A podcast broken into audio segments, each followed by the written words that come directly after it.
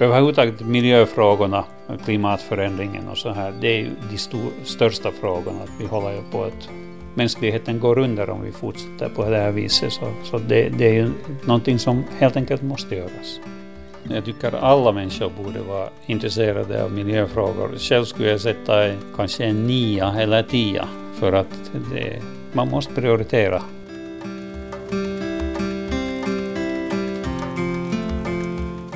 Ja, jag heter Jan-Åke Törnros, jag är 68 år gammal idag och jag är nu för tiden emeritusprofessor från Åbo Akademi där jag har eh, fungerat eh, under min yrkeskarriär.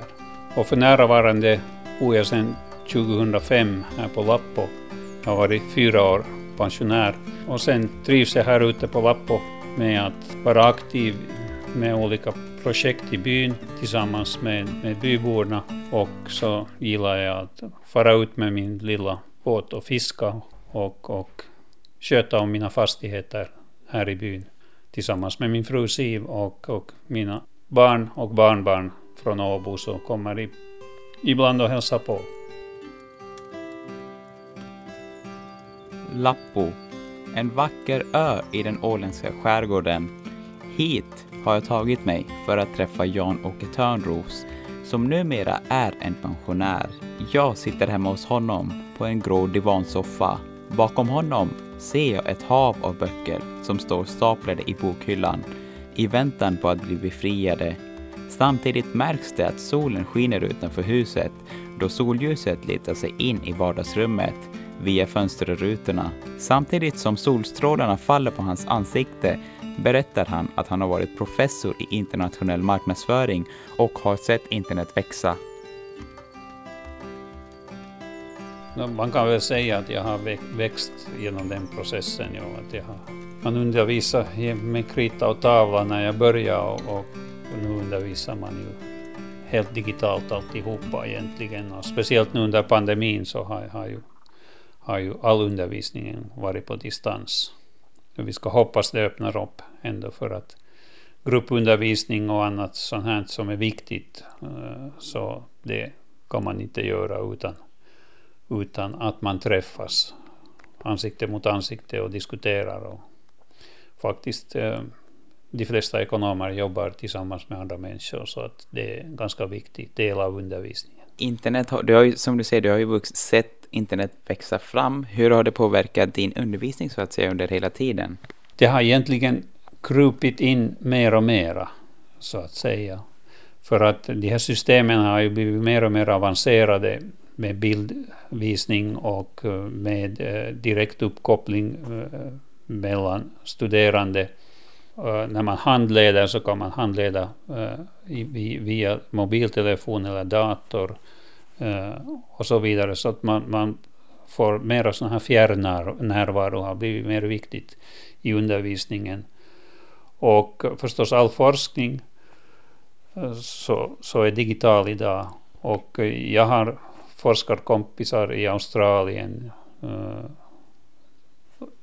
i andra länder i Europa och i Finland. Och så att man jobbar väldigt mycket genom fjärrnärvaro. Men ansikte mot ansikte kontakterna och kreativiteten är e, väldigt viktig också.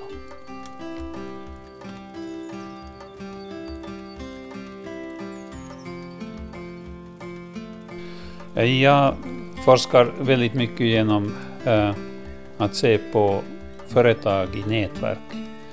Det vill säga hur man skapar värde genom att samarbeta från med att skaffa insatsvaror äh, till företaget genom att eh, koppla till olika finansiärer, till olika intressegrupper, till mellanhänder och sen fram till marknaden. Och vilka aktörer är med och sammankopplade i det där för att värde ska skapas för ett företag. För ett företag idag fungerar inte isolerade som på en ö, utan de är sammankopplade på olika sätt. Och allt mera blir den här sammankopplingen internationell eller till och med global. Och här spelar ju förstås internet och, och de här uh, systemen som finns idag en, en väldigt viktig roll. Så företag i nätverk industriell marknadsföring. Det, det jag sysslar med, det vill säga relationer mellan företag, vilken betydelse de har, hur de skapas och, och hur de fungerar och vilket värde de får. Och vi har ju idag talat här i Lappo också om miljöfrågor. Så det här är också viktigt att se hur de här sammankopplingarna, vilka miljökonsekvenser får de för företag. Och jag har blivit allt mer intresserad också av de här frågorna gällande hållbar utveckling och företagande och hur mm, man ska se till att de insatsvaror man tar till företaget att de är hållbart producerade. Eh, att det inte... Och med hållbara menas då ekonomisk hållbarhet, social hållbarhet och miljömässig hållbarhet. Så det är tre dimensioner i det här, det här hållbarhetsperspektivet. Så att till exempel att inte barnarbetskraft används eh, där man köper in råvaror från utvecklingsländer till exempel. Eller att, att uh, man betalar hyggliga löner åt sina arbetstagare och att de har goda sociala förhållanden och så vidare. En intressant aspekt i det här är, är nu att företag alltmera blir kontrollerade av olika uh, så kallade non-governmental organizations, det vill säga uh, organisationer som till exempel Friends of the Earth eller Greenpeace eller FN-organisationer och andra organ som ser till att, att företag alltmera måste följa de här principerna. Sen har det ju också blivit en viktig faktor för lönsamhet, det vill säga att företag som producerar mera miljömässigt och hållbart sina, sina produkter och så blir mera omtyckta av både konsumenter och av, också av andra företag som vill köpa deras, deras, deras produkter och tjänster. Så att uh, det här är en viktig fråga som jag tycker borde utvecklas allt mera.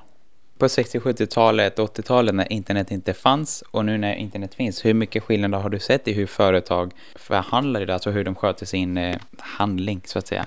Det, det är en jättestor fråga. Jag tror nog att det har, åtminstone har eh, en sån här medvetenhet om, om hållbarhetsfrågor, den har ökat väldigt mycket. Men stora multinationella företag har ju så otroligt stor makt att hantera de här frågorna och undvika skatter och undvika att betala eh, löner och så vidare. Det är tyvärr ännu ganska vanligt. Så att eh, det finns mycket, mycket arbete att göra och, och det här internationella systemet är inte helt, eh, det är inte hållbart ännu. Så att det måste utvecklas väldigt mycket eh, för, för att eh, överhuvudtaget miljöfrågorna, klimatförändringen och så här, det är ju de stor, största frågorna. Att vi håller ju på att mänskligheten går under om vi fortsätter på det här viset. Så, så det, det är ju någonting som helt enkelt måste göras.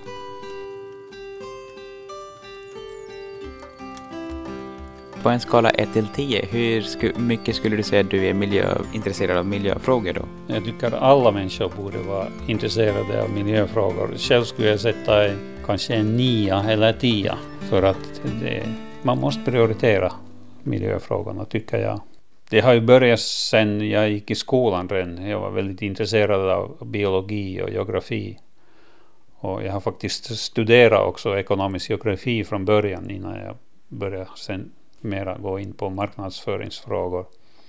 Att jag har faktiskt äh, disputerat i ekonomisk geografi. Men jag skrev en avhandling som hade internationell inriktning så sen blev jag professor i internationell marknadsföring sen efter det.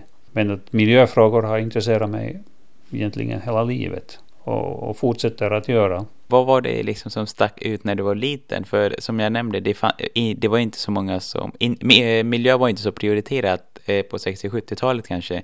Men hur kommer det sig att du blev så pass intresserad som du ändå är? jag började studera 1972 och jag, eh, Rakel Carlssons bok eh, Tyst vår kom ut redan på 1960-talet. Eh, och eh, miljöfrågorna dök upp också under slutet av 60-talet när jag gick i gymnasiet. Och, och miljöfrågorna kom också fram eh, lite i mina studier i samhällsvetenskap och ekonomi vid Åbo Akademi. Så att eh, eh, det fanns nog redan då på agendan men, men nu har de blivit mera akuta, de här frågorna med, med klimatfrågan och, som har nu under de senaste tio åren blivit eh, den stora frågan.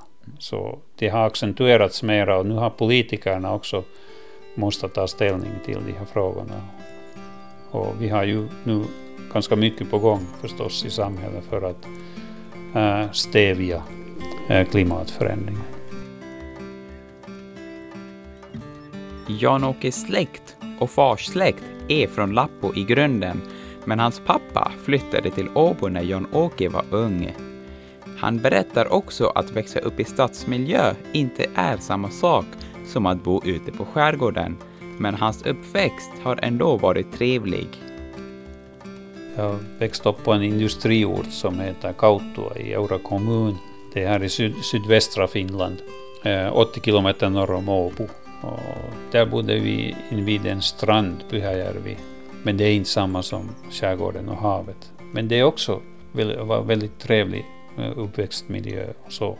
Men redan sen jag var 28 så började vi vistas här alltid på somrarna. Och så har det varit sedan dess. Men mitt arbete var ju också på fastlandet. Men som sagt, ju mer det blev digitaliserat så desto mer kunde jag jobba härifrån och vara här. Och nu när jag är pensionär så är, så är det ju fritt fram. Och hur mycket skiljer sig livet då på, eh, i, Finland, i fasta Finland, alltså runt Åbo-trakterna och här på skärgården? Ja, no, det Åbo-trakten, det är ju, det är ju en, en urban miljö med 200 000 invånare idag. Och här har vi en liten ö med 30 fastbosatta. Men på sommaren är vi ju säkert en, över 100 personer här. Sen eh, frekventeras ju hamnen av en massa fritidsbåtar.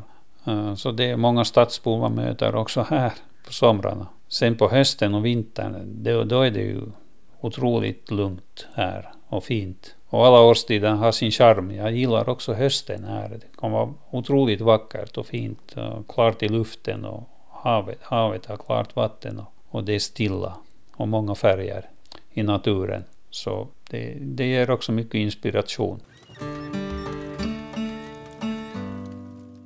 Vad gör du annars på fritiden då? Ja, på fritiden är jag väldigt mycket här på Lappo här i nordöstra skärgården på Åland.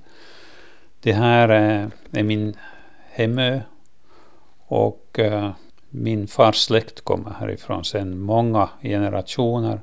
Jag har många släktingar som bor här och eh, jag trivs här eh, ute i skärgården i naturen. Jag tycker om att följa med, med naturen under olika årstider. Jag jobbar här också på distans. Jag har en liten fastighet här i byn som, som jag bor i under vintern och, och så har jag en strandfastighet där jag vistas som, hela sommarhalvåret mer eller mindre. Och eh, jag har byggt upp då ett, ett system där vid min strandfastighet att jag har en liten stuga där som, som jag har lagt solpaneler på som sköter om strömtillförseln till, till brunnen och till hela huset och, och, och bastun.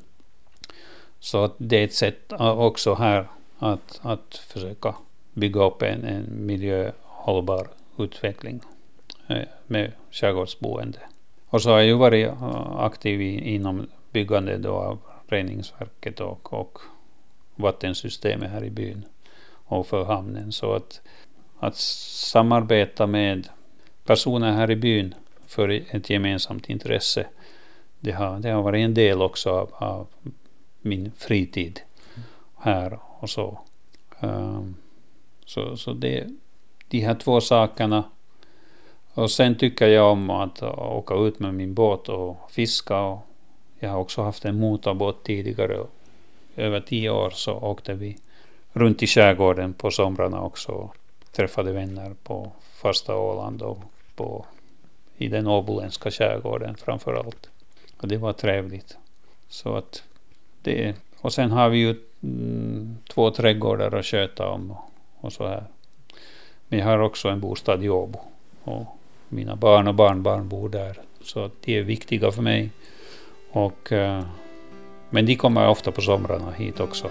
Så att jag håller mig till hemskt gärna här på sommaren. Som ungdom har Jan-Åke spelat tennis, en sport som han tyckte om väldigt mycket. Men i dagsläget kan han inte hålla på med den sporten som han älskade så mycket på grund av sina knän. Han berättar också att han har rest till alla världsdelar och hans favoritresa hittills har varit till Nya Zeeland. Dit har han varit två gånger och besökt bägge önhalvorna, såväl som den nordliga som den södra ön. Jan-Åke berättar att människorna där är väldigt trevliga samtidigt som den är väldigt vacker. Han gillar även att resa i Europa, men han föredrar att inte resa med flyg då det inte är så miljövänligt.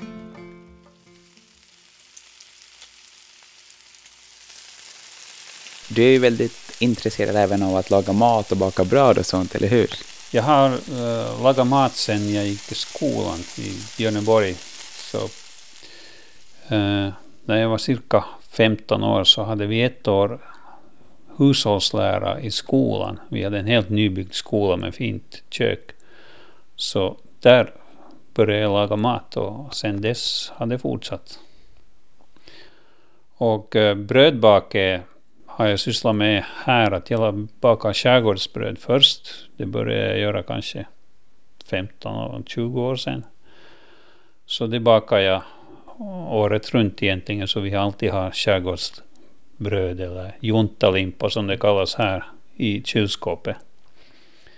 Och sen mm, nu för ett år sedan så började jag intressera mig för att baka på gammalt vis, det vill säga göra bröd på rot. Så jag lagade en egen degrot som jag nu sen har i kylskåpet stående och, och så använder jag den som underlag så bakar jag surdegsbröd som du har fått smaka på idag. Jag gör det som ett blandbröd med, med råg och vete. Och det bäst blir det här med, med hemvete och hemrågmjöl från äh, Åland. Och jag fick ju smaka på det där brödet, den var ju ganska god. Hur bakar du den då? Vad är liksom, hur är receptet? Du använder en degrot som bas och, och sen blandar du i mjölsorter, salt och kanske lite kryddor. Och så låter du stå i minst fem timmar. Så att det jäser ordentligt. Och sen helt enkelt i ugnen och på hård värme 15 minuter 250 grader och sen ner med värmen till 225 grader 20 minuter. Och man kan baka den också i en gryta eller sen, sen bara på plåt. Och då ska plåten och grytan vara heta innan man sätter i eh, själva, själva brödet. Ganska enkelt egentligen. Man måste ha lite ha tålamod bara och följa med hur, hur det hela utvecklas. Det var helt intressant. Men alltså jag tycker om här att, att tillreda fiskrätter på många sätt. Att det har, jag har grillat mycket fisk och eh, så har jag en, en rysk fisksoppa som jag ofta lagar och mina släktingar och vänner är väldigt förtjusta i den här fisksoppan så jag lagar den varje sommar några gånger. Men det blir väldigt mycket filé abborre och, och steka abborre och, och gäddfilé också. Och laxöring som vi kan få här på vårarna. Så den, den är god att tillreda på olika sätt. Men jag tycker också om att laga pizza. Jag tycker om att laga äh, mat från olika regioner i världen. Äh, indisk mat lagar jag ganska ofta. Och sen också thaimat, kinamat. Eh, och sen mycket sån här eh, medelhavsmat. Det gillar jag också att laga. Italiensk, spansk eller eh, grekisk grekiska mat. Jag går åt vid tzatziki med grillad lax och uh, ett knyte med grönsaker. Det var riktigt bra match. Eh, du, som du nämner, du lagar ju väldigt olika sorters mat, eh, både från Medelhavet, från Asien och allt, eh, alla andra regioner. Vilken är, den, vilken är din favoritmaträtt så att säga, som du är liksom väldigt stolt över? Ja, vad ska vi säga? Det är nog den här eh, ryska seljanka fisksoppan. Den, den tycker jag nog är, det är en sån här klassiker som, som folk har berömt speciellt. Och vad är det så speciellt med den? För alla kockar har ju olika, de tillsätter ju liksom sin personliga smak i den. Vad är det som du tillsätter som gör att den blir så god och personlig? Det är en fisksoppa som är, bygger på en, en tomatgrund. Och den såsen ska koka ganska länge med tomat. Sen finns där mycket vitlök, lite kål, olika grönsaker och eh, smetana istället för grädde. Och äh, lite rysk saltgurka och oliver. Och sen brukar jag lägga lite paprika i också. Och ganska mycket lök. Och det blir en mustig soppa sen av den. Och, och det där, mycket persilja på till slut. Och en klick smetana. Och sen äter man med bröd. Hembakat bröd då? Hembakat bröd, ja. Färskt hembakat bröd. Nämnde om att du lagar även indisk mat. Jag själv är från Indien så jag är väldigt sugen på att veta vad för mat lagar du då? Från Indien, vad skulle jag nu komma på? Vi lagar ofta indisk lamm med sån här currysås. Och, och vi har ofta fått lamm härifrån, från skärgården. Och, och eh, tillrätt det på olika sätt. Och sen lagar vi också en indisk lammsås som vi marinerar köttet med och sen grillar vi. Och sen äter vi med, med yoghurtsås som vi kryddar med, med chili ja, och chapatis. Det, det är också utmärkt gott på sommaren. Så väldigt mycket stark mat med andra ord även? Nu kan det vara ganska starkt ja, men, men det där, vi gillar nog helt kryddad mat. Ja. Det är inte så många som gör det, men ni gillar det väldigt mycket. Hur kommer det sig? Ja, vi var i England eh, 1986 eh, när jag var doktorand då och hade ett stipendium. Och där träffade vi en, en, en kompis till mig som, som studerade eh, geografi också. Och han kom ofta till vårt kök och, och lagade kinamat och indisk mat. Och det var egentligen han som inspirerade där. Och i England den tiden så fanns ju alla, alla kryddor och det finns mycket indiska restauranger och annat sånt här. Så vi, vi fick väldigt mycket inspiration. Vi köpte många indiska kokböcker då, eh, både vegetariska och med kött. Och vi har använt dem ännu idag också som, som underlag för, för våra rätter. Så att, så att det där. Vi har också lagat indisk fisk och fiskrätter och, och grönsaksrätter. Och, och, det var en intressant grönsaksrätt med, med, med det där äggplanta och tomat och vitlök och, som vi ofta lagar som förrätt. Jättegod och ganska kraftig. Som, som vi lagar ganska ofta som förrätt faktiskt.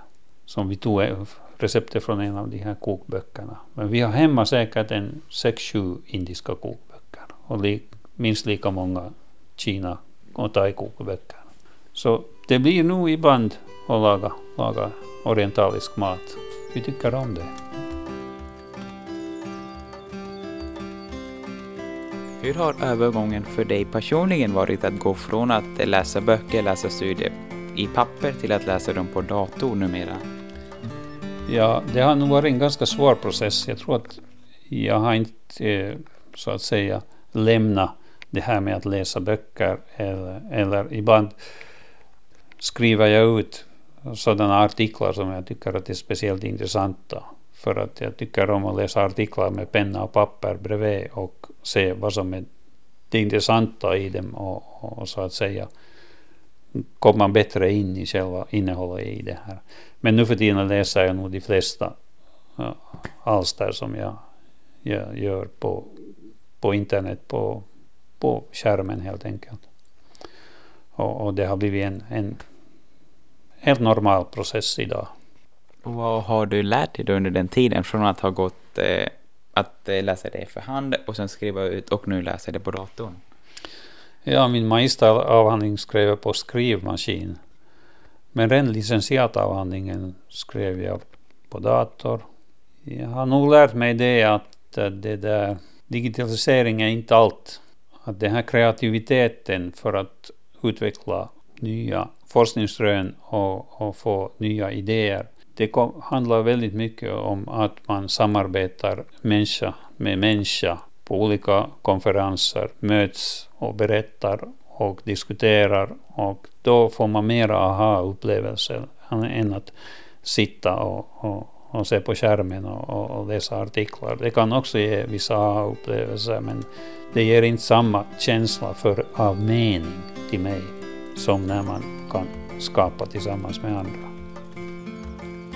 När man har blivit 68 år gammal så, så, finns det ju en hel del att berätta förstås. Och man kommer ju ihåg förstås bara en, en, en bråkdel. Men det här har kanske varit de viktigaste sakerna. Då. Lite om min barndom och min relation hit till Lappo. Och att jag har släktband hit och, och att vi, vi trivs här jättemycket.